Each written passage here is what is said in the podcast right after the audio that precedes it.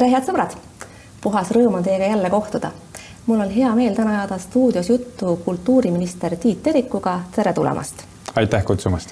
Te olete mees, keda avalikkus väga hästi ei tunne ja loomulikult äh, selleks ma teid siin kutsusingi, et me teiega saaksime tuttavaks ja mitte ainult meie omavahel, vaid vaatajad loomulikult ka. taustad nüüd tehes avastasin ma, et teil on olemas Twitteri konto, millel on äh, aastast kaks tuhat kümme kaks sellist tähevigadega laiki äh, tweet'i see on teie konto või on mõni, on tegemist fake-kontoga? Äh, ma usun, et see võib olla täiesti minu konto, mille ma kunagi tegin ja, ja sinnapaika see jäi, sellepärast et ma ei näinud, et, et see oleks minu igapäevane soov äh, ja, ja toita seda nii-öelda tweetide rida, et sinnapaika see jäi. tõenäoliselt on see minu, aga ma pean selle üle kontrollima. aga teil on seal praegu ainult kaksteist järgijat ja kaks tweet'i, iseenesest oleks ju väga tore, kui kultuuriministril oleks aktiivne, toimiv Twitteri konto puhute sellele elu sisse ähm.? tuleb üle vaadata, ma ei ole ise Twitteri väga suur jälgija, et ma saan aru, et erinevates riikides on, on erinevad platvormid populaarsemad, ma olen täna olnud suuremalt jaolt oma mõtete avaldamiseks äh, Facebooki kasutaja teate, üks tweet on selline, mida ma tahaksin ette lugeda, sest ja. Oleks huvitav teada saada, kas te sellele mõttele, mida tookord jagasite, kirjutate praegu ka alla. nimelt olete jaganud Hardo Pajula tsitaati, mis ütleb, suuresti on poliitikute kirumine ülekohtune sest nad peavad meeldima suurele hulgale inimesele, inimestele, kelle lemmikansambel on Meie mees. päris tabav iseenesest kehtib ka täna, kas pole? Äh, vastab tõele, hoolimata sellest, et ma Aivar Riisalusse suhtun väga sõbralikult, äh, siis äh, tõepoolest ma arvan, et ma kirjutaks Hardo Pajula mõttele alla ka täna. hästi, aga mitte sellest ei tahtnud ma teiega rääkida räägime teie tegevusest kultuuriministrina ja algatuseks võib-olla sellest, kuidas te kultuuriministriks saite. no me oleme siin saadetes ja avalikus ruumis on korduvalt ka viidatud sellele, et kultuuriministrid meil kõik on ju Koit Toome asendusesinejad viimasel ajal. kuidas teie ennast selles rollis tunnete?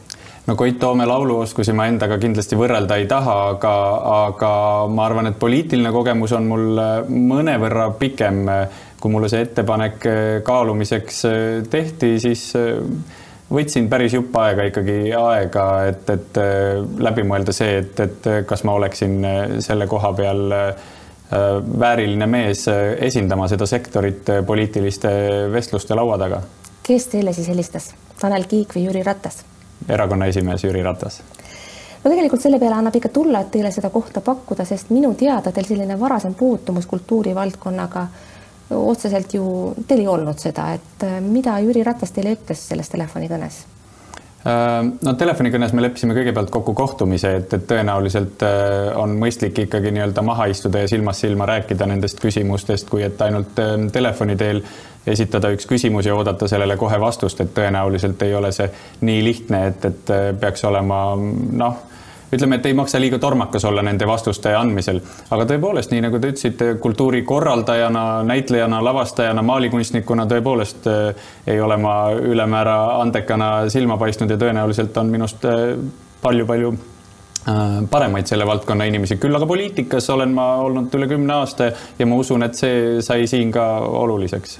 teate, mina tegelikult ei arva, et kultuuriminister peaks olema Arvo Pärt või Tiit mm -hmm. Ojasoo või, või Tõnu Õnnepalu, et nad, noh, nimed on nüüd valitud, eks ju, võrdlemisi suvaliselt, aga ma ei pea silmas, et ta peaks tingimata olema ise looja või kultuuri selline noh, kultuuris tegev inimene. aga poliitikuna olete te pigem võib-olla sarnane Jaak Aabile kes eh, noh, kes tegelikult sobib eh, peaaegu igale ministrikohale. võib-olla teda ei armastata ülearu palju või tunta liiga hästi, kuid alati ajab asja ära. kuidas te ise sellesse võrdlusesse suhtute? no kui te mind Jaak Aabiga võrdlete, keda ma tean ka tema nii-öelda poliitilisest tegevusest just nimelt omavalitsuste liinis, siis ma arvan, et see on väga väärikas võrdlus. Jaak Aab on, on väga palju suutnud ka omavalitsuste lõikes teha ka selle kriisi ajal aga tuleb tunnistada, et minu nii-öelda töömehe tee on olnud pigem kohalikus omavalitsuses ja, ja riigi tasandil ministeeriumis töötamine otse loomulikult on, on mõnevõrra teine tase. Te olete valitsuses esimest korda, kuidas te ennast seal tunnete? no esimesed neli nädalat on ühtepidi selline suurepärane võimalus äh, olnud kohaneda, aga need inimesed, kellega ma ju seal koos töötan, on, on varasemast ajast äh, valdavalt ikkagi tuttavad, et, et ma ei sattunud ju tegelikult kohta, kus ma varem ei oleks käinud. Ja loomulikult olen Stenbocki majas ka varem käinud erinevaid poliitilisi teemasid arutamas, aga ka need inimesed, kes täna seal laua ümber on, on, ma julgen arvata, et suures osas mulle ka varasemalt tuttavad no pärast Anneli Otti ausalt öeldes, olgem ausad, on see, on see kultuuriministri tase nii-öelda täitsa põrandal või noh, ütleme, ütleme otse ja ütleme jõhkralt täitsa allpool Kroonlinna nulli. kas see on teile ametis alustamises abiks või pigem takistuseks, et teie suhtes nagu no pärast Anneli Otti võib ju panna ka luuavarre, et ega seal nagu vahet ei ole väga ma Anneli osas äh, ei tahaks äh, selliseid kriitilisi toone ise üles tuua, ma saan temaga väga hästi läbi ja, ja, ja tema otsused on olnud tema otsused, aga tõepoolest äh, sektoril on suured ootused olnud. ma väga loodan, et ma olen vähemalt esimeste oma nädalatega seda poolt, mida ajakirjanduses ka välja toodi kommunikatsiooni ja suhtlemise osas suutnud parandada.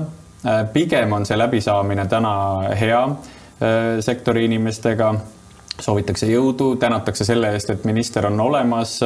me saame suhelda ka enne teie kohtumist siin täna on mul olnud kaks erinevat äh, videosilda päris suure hulga kultuuriinimestega, kus, kus väga praktilisi küsimusi oleme saanud arutada Äh, ma olen oma loomult pigem selline suhtleja ja, ja kabinetis äh, tõenäoliselt näeb mind nagu päris harva, et, et ma pigem, pigem eelistaksin liikuda nendes äh, seltskondades ja ringkondades keda minu tegevus moel või teisel puudutab.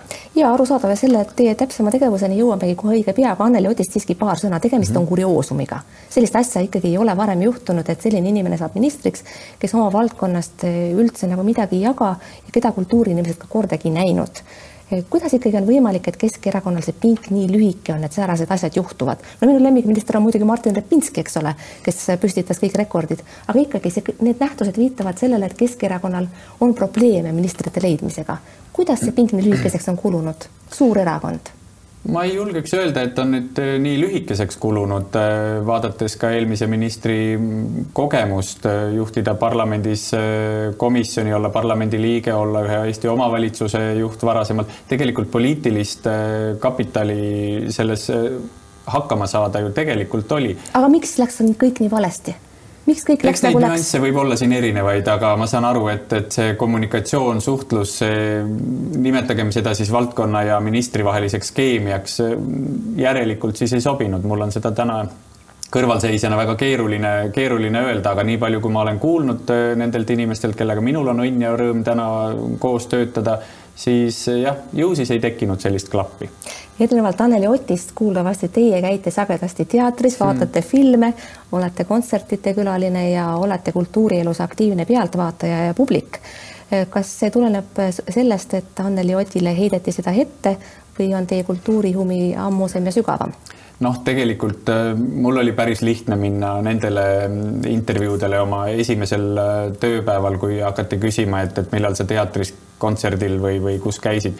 noh, see on olnud ikkagi vastavalt äh, nüüd kriisi ajal mõnevõrra erinev, aga ikkagi minu, minu selline nii-öelda igapäev või argipäev, et, et seda nagu välja tuua, et teatris käimine oleks minu jaoks mingi selline, et ohoo, ta käis teatris, et noh, ma ei tea, see on nagu, see on tavaline asi, et, et inimene käib teatris ähm, kontserdil jah, võib-olla sõltuvalt žanrist mõnevõrra vähem, aga, aga pigem ikkagi kultuurinautijana ma julgeksin ennast ähm, kategoriseerida küll juba, oh jumal oma neljakümne kahe aasta jooksul ikkagi väga-väga pikalt äh, tagasi.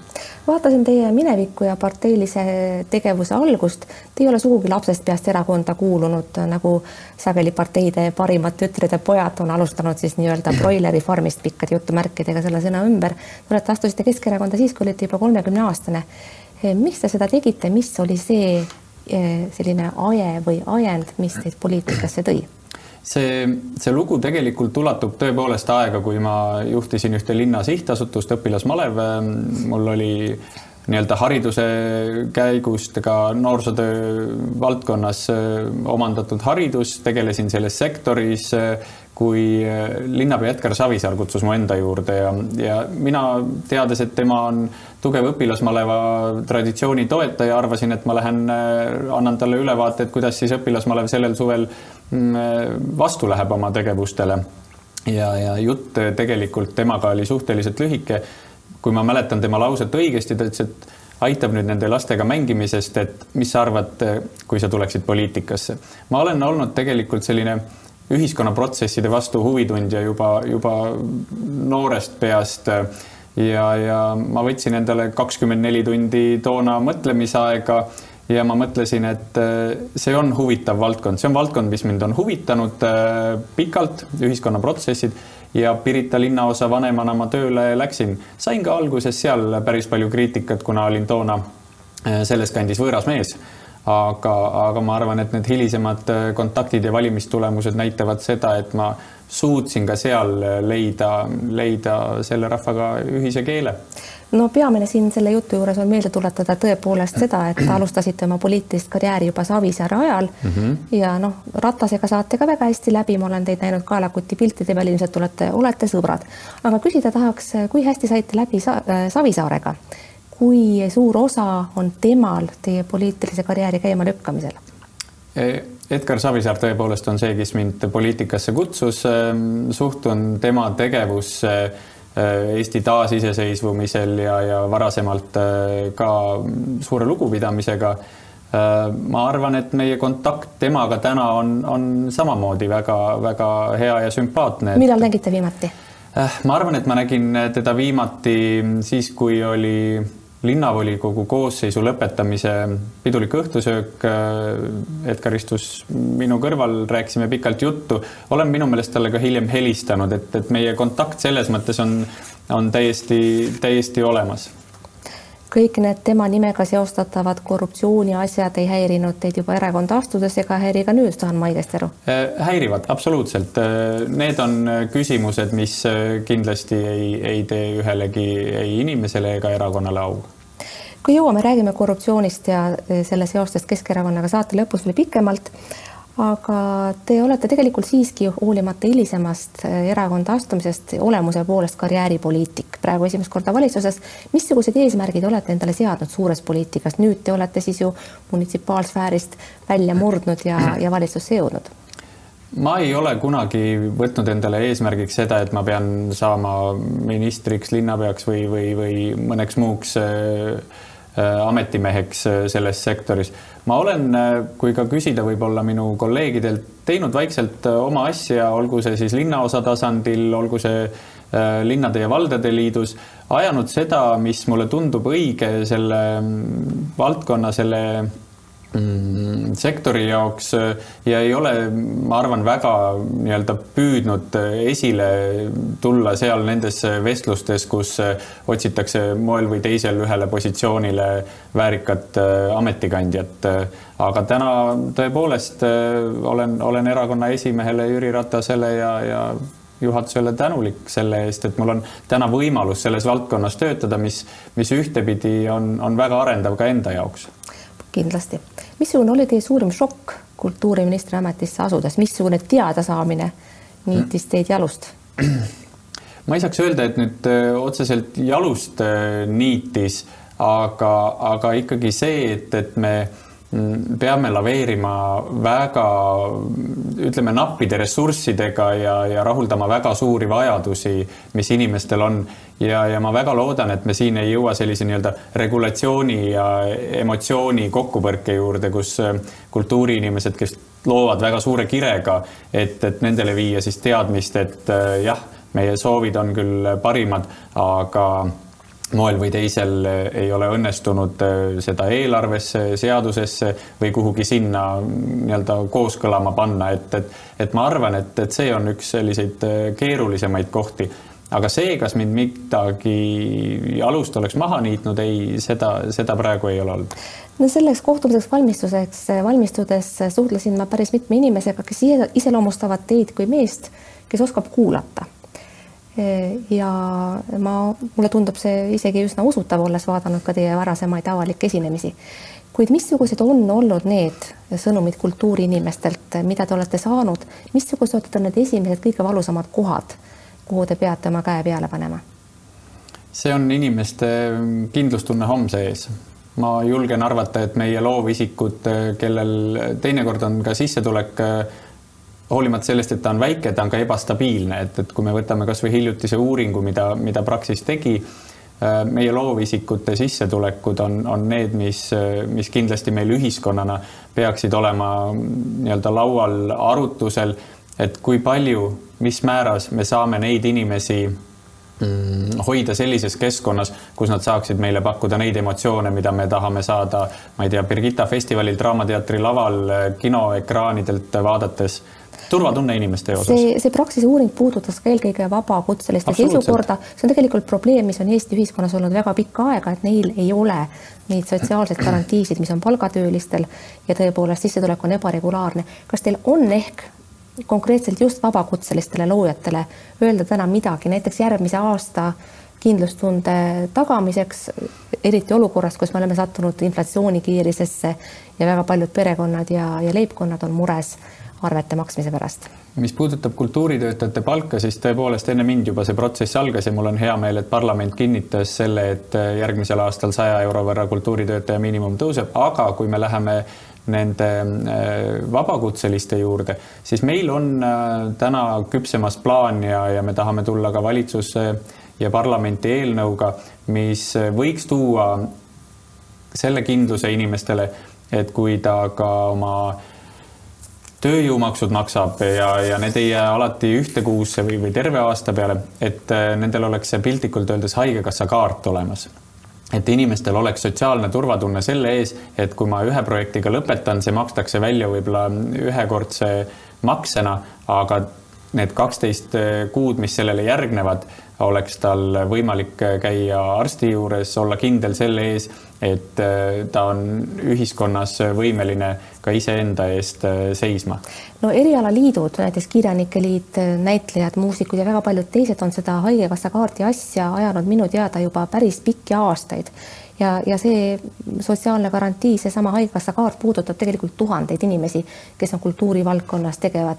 kas te saate öelda, millal siis lõpuks selleni jõutakse, et igaüks, kes kuulub oma erialaliitu, selle Haigekassa kaardi liidu kaudu saab, olgu siis tegemist kirjaniku, muusiku, näitleja, kellega iganes. eks see tegelikult sõltub sellest, äh, millised on äh, maksed äh, sotsiaalmaksu näol siis Haigekassa ja, ja pensionisammastesse me täna töötame ministeeriumis selle nimel, et jõuda valitsusse ja parlamenti eelnõuga. kas me jõuame selle tehtud nüüd enne seda, kui tulevad korralised äh, Riigikogu valimised? Äh, ei julge lubada, aga me töötame selle nimel, meil on päris mitmed plaanid olemas, kuidas ka äh, seda maksuraamistikku võiks muuta, aga loomulikult on siin taas poliitiliste vaidluste koht, aga see, milliseks see seaduseelnõu äh, oma pügalatega võiks tulla, on meil tegelikult äh, täna suures piiris, äh, suures piiris olemas. Ja loomulikult need saavad sündida mitte ainuüksi nii-öelda ametnike peades kabinettides, aga läbi rääkides valdkonna, valdkonna inimestega. arusaadav, ühesõnaga järgmisel aastal ei juhtu veel midagi. Järgmine aasta on protsess mõt... juhtub kindlasti. Protsess juhtub. See on hea väljend. järgmisel aastal on inimesed ka kultuurivaldkonnas tegutsevad inimesed ikkagi väga mures oma rahakoti pärast. ja noh, kui nüüd näiteks peaks minema niimoodi, et äh, seesama kõrge elektri hind, gaasi hind, bensiini hind, kogu see inflatsioon, millesse me oleme sattunud, äh, muudab näiteks teatripiletite hinnad kaks korda kallimaks või kinopileti hinna näiteks kolmekordistab, siis tegelikult äh, ei saa kasumit teenida ei need etendusasutused, noh, ma ei tea, muusikud ja kõik teised, aga ka inimestele hakkab see hind käima üle jõu kuidas seda olukorda, kus, eh, kus sellised protsessid juhtuvad, saaks kuidagi pidurdada nõnda, et kultuuriloojad saaksid sissetulekut ja inimestele kultuuri tarbimine ei muutu rahaliselt üle jõu käivaks see on see, et me võtame ühiskonnas vastu otsuse, et me need eh, oma ühisest rahakotist ehk riigieelarvest eh, katame, see on ühiskonna valmisolek seda teha. kui me räägime sellest, et hinnad tõusevad ja, ja alati kõikides sektorites palgakasv ei ole samaväärselt kiire, siis eh, puudutab see tegelikult laiemat eh, ringi meie inimesi kui ainult kultuurisektor. kui me keskendume no, kultuurisektorile ja me oleme võtnud endale just äsja kinnitatud kultuuri arengukavaga ühe väga selge eesmärgi, kultuuris osalemine. me tahame selle viia suurusjärgus kaheksakümne protsendi peale. see puudutab eeskätt ka teie mainitud teatripileteid. Täna, kui ma nüüd mõtlen tagasi oma piletiostude peale noh, alla kahekümne euro oli, oli pilet, kui ma käisin ähm, Vanemuises lastega balletti vaatamas, Draamateatris oli kakskümmend viis eurot. jah, täna ta ei ole ju ülemäära palju viimase ajaga tõusnud, et need on suhteliselt samad olnud. nüüd, kas ähm, konkreetne Draamateatri pilet näiteks võiks viiekümne peale hüpata? no julgen kahelda, et, et päris nii hullusti vist no, meil ei lähe. see elektriarve on ikkagi kõikide, kõikide asutuste, organisatsioonide, ka teatrite ja kinode jaoks hirmus. käisin mina viimati teatris tuul puhus ümber jalgade mm, -hmm. käisin kinos ja lubasin endale, et järgmine kord lähen karupükstega. no kuulge, see ei ole ju jätkusuutlik olukord. selleks, et Indrek Kasela saaks oma sõpruse kino jälle soojaks kütta ja mina ei peaks karupükstega minema, vaid võiksin kleidi selga panna, ta ilmselt küsib raha juurde, sest elekter on kallis. jah, vastab tõele. nüüd siin tuleb ka näha seda, et kas te olete selles kinos, kus on börsipakett või fikseeritud hinnad, et, et. Pole ka selle käest küsinud, aga küsida. oli külm, tagumike naks ja naks tooli külge kinni. just äh, nagu Lutsu kirjelduses. et ähm, no mis ma oskan öelda selles mõttes, et äh, eelarve on iga asutuse juhi kokku panna, seal on üks komponent, mis tuleb riigi poolt äh, meie sihtasutuste puhul. teine on see, mis on omatulu, teatri puhul see varieerub suurusjärk nelikümmend viis, viiskümmend protsenti sõltuvalt. Äh, kindlasti muuseumite osas on ähm, teinekord see omatulu protsent äh, väiksem eks me peame siis leidma selle võimaluse, et ühiskonnana see kompenseerida. kui me tahame, et inimesed käiksid teatris, kinos, kontserdil siis ta peab olema kättesaadav, kättesaadav finantsilises mõttes ja ma arvan, et siin me ei tohi lubada olukorda, kus, kus teatripileti hind läheb kaks korda kallimaks. see väga selgelt lõikab ära äh, mingi sektori inimesi selle kultuuri juurest. Tallinnas, Tartus ma ei usu, et see võib-olla nii suur probleem on, aga kui ma räägin näiteks Põlva vallavanemaga, siis hea Georg Pelisaar ütleb, et teinekord, kui tuleb ka näiteks Estonia oma etendust tegema Põlvasse jah, inimene väga selgelt äh, loeb oma raha kokku ja vaatab, kas ta saab äh, nautima minna seda või mitte. eks ole see... paar sõna ka raamatutest. raamatud on äh, ka samuti selline oluline asi, mida inimesed tahaksid omada, mitte ainult raamatukogust laenata. ja Kirjanike Liidu juht Tiit Aleksejev on teinud ettepaneku langetada raamatute käibemaksu viie protsendi peale, nagu see on näiteks Lätis. minu meelest igati mõistlik mõte. kuidas sellega oleks? Teie vaates? iseenesest äh, mõttena mõistlik, äh, seda on ju tegelikult käibemaksu erisuste osas ka erinevates äh, valdkondades tehtud. juhtusin nägema ka rahandusministri intervjuud Eks selles ole, küsimuses. sellest oli ka ajendatud. just, et nägin tema intervjuud, tema ütleb, et jah, et kui see ka korraks langeb, et, et siis tõenäoliselt tõuseb see sinna tagasi. ma arvan, et mingid valdkonnad, mis meie jaoks ühiskonnas on olulised võtame kasvõi seesama toodud raamatute näide. Äh, riik võiks sealt siis võtta väiksemat käibemaksu, et selles osas ma olen Tiit Aleksejeviga nõus, et, et pigem need, kus me soovime inimesi rohkem äh, nii-öelda kultuuri juurde tuua, ka seesama meie suur eesmärk, mis valitsuses kinnituse sai. jah, kas see protsendipunktide langetamine sellele kaasa aitab? ma usun, et moel või teisel ikkagi aitab. Te kavatsete selle eest seista, et raamatute käibemaks langeks või on see niisama su suusoojaks praegu öeldud? Äh, see nüüd sõltub, et kus meil see diskussioon sisse tuleb, et äh, tõenäoliselt on see ikkagi riigieelarve kontekstis ja vaadata, et mis see meile maksma läheb. ehk et mis on selle asja mõju. täna ma ei saa öelda seda, et, et jaa, ma lähen kindlasti selle eest seisma või et ei, et ma ei pea seda oluliseks. me peame vaatama, mis see maksab. kas see on selline number, mille, mis on riigieelarves selline väike kosmeetiline, aga annab inimeste jaoks suure efekti, siis loomulikult oleks mõistlik see läbi käia no siin tegelikult satuvad äh, vastandusse ka koalitsioonipartnerite ehk siis Keskerakonna ja Reformierakonna erinevad veendumused. Reformierakonna poolt selline teatav liberaalne hoiak, mis viimasel ajal on küll tõsi, väga leebeks muutunud ja Keskerakonna poolt siis soov rajada, äh, jagada laiali palju pappi kõigile ja kohe äh, kuidas te seda vastandust koalitsioonipartnerite vahel arutelusid pidades kultuurivaldkonda puudutavalt valitsuses tunnetate? Äh, noh, kultuurivaidlusi on seal ühtepidi olnud praegu hetkel küll väga vähe nende nelja nädala jooksul, mis ma olen laua taga olnud, aga mis väga otseselt inimesi ja kultuurivaldkonna puudutab, on kasvõi seesama elektrienergia ja muude energiakandjate küsimus. Eile oli meil väga pikalt valitsuses see arutelu ja noh, ma ei tea, kas see on õnn või õnnetus, aga Covid ei olnud enam kõige pikemini käsitletud teema.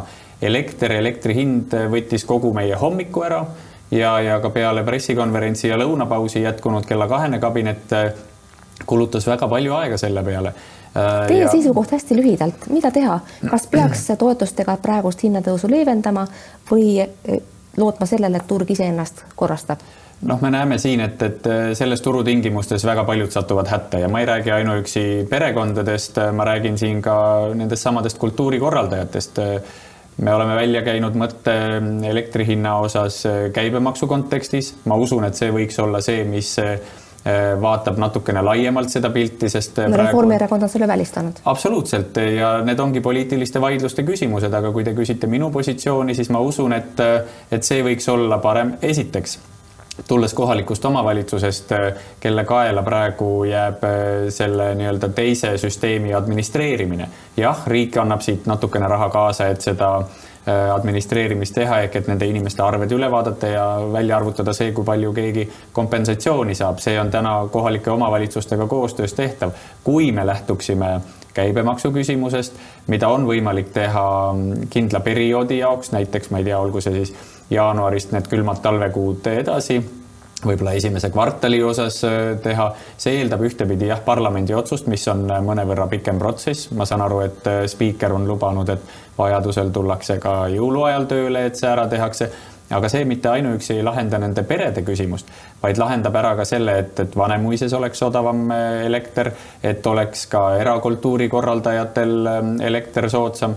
Et kui riik on öelnud, et jah, me oma sihtasutustele saame moel või teisel appi tulla, kui te ütlete, et teie elektriarve on teil eelarve nii paigast ära löönud, aga võtame siia juurde need, mis on näiteks omavalitsuste ülevalpeetavad ja veel äh, kehvemini tõenäoliselt tulevad toime need, kes on erasektori omad, äh, mittetulundussektori. ühesõnaga lühidalt kokkuvõttes te ikkagi eeldate, et kohe aidatakse inimesi ja sektorit, mitte, mitte siis äh, ei jää lootma selle peale, et turg reguleerub või et rohepööre, mis saab teoks, hakkab kordama positiivset mõju avaldama. mul on kahju, me ei saa sellesse teemasse süveneda, sest eh, muidu jääksid küsimata veel mõned teised küsimused ja te ise tahate ju ka varsti siit minema saada. lõpetuseks veel, ma tahaksin jõuda lühidalt tagasi korruptsiooni juurde, mida me mhm. nimetasime seoses Edgar Savisaarega. ma nimetan mõned märksõnad mm. -hmm. Mailis Reps, Porto Franco Juhaste viiskümmend tuhat eurot mm, -hmm. Meatfieldi nõue lige, ligemale siis miljon eurot või õigemini natukene peale. kõik see eh, korruptsioonihõnguline pakett puudutab Keskerakonna rahakotti moel või teisel. ma olen kindel, et erakonnas arutatakse seda, eh, kuidas nende kõikide probleemidega pikaajalises vaates toime tulla. erakonna mainet sööb see nii või teisiti. kas teil on selle kohta anda lühike kommentaar, palun mõned laused äh,? loomulikult me suhtume tõsise nii-öelda murega sellesse ja see, mis on äh, väga pikast perspektiivist välja toodud teie näidetena mis ulatub siin aastate taha. Äh, jah, väga suure murelikkusega vaatame ja mõistame seda, et see sööb nii erakonda, erakonna mainet, tänast erakonna rahakotti, mida ka me liikmetena annetustena saame, saame nii-öelda toetada aga, ja, ja mõned näited, mis te tõite, on täna, ma saan aru, vaidluste protsessis, kus on keeruline midagi, midagi veel öelda, et siin kohtuotsuseid äh, moel või teisel ei ole ju veel tulnud aga ega see selles mõttes ähm, elu lihtsamaks ei tee.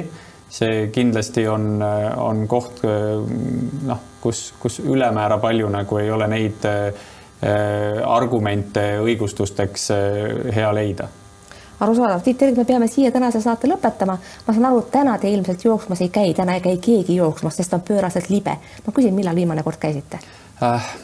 Ma käisin, äh, see oli see hommik äh, minu meelest, kui ma äh, ütleme, et see jääb kahe-kolme nädala tagusesse perioodi, kus, kus oli see hetk, et, et pea on nii pulki täis, et ma tõesti lähen ja, ja, ja sörgin ja jooksen. ministrina ma, enam iga päev ei jõua? iga päev ei jõua ja mul on tohutult kahju sellest, et ma oma vanemale pojale lubasin ka, et ma tulen õhtul koju, et lähme teeme ühe väikese kõnni või, või jalutuskäigu ringi, sest noh, laste liikumine muidugi on ka see, mis on ääretult vajalik. murdsite lubadust?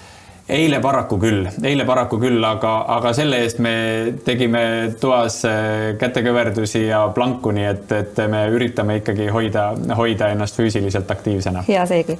Tiit Terik, suur aitäh, et tulite stuudiosse, head sõbrad, aitäh, et vaatasite, vaadake teinekord ikka jälle, olge vahepeal terved, mingu teil hästi, kuulmiseni ja nägemiseni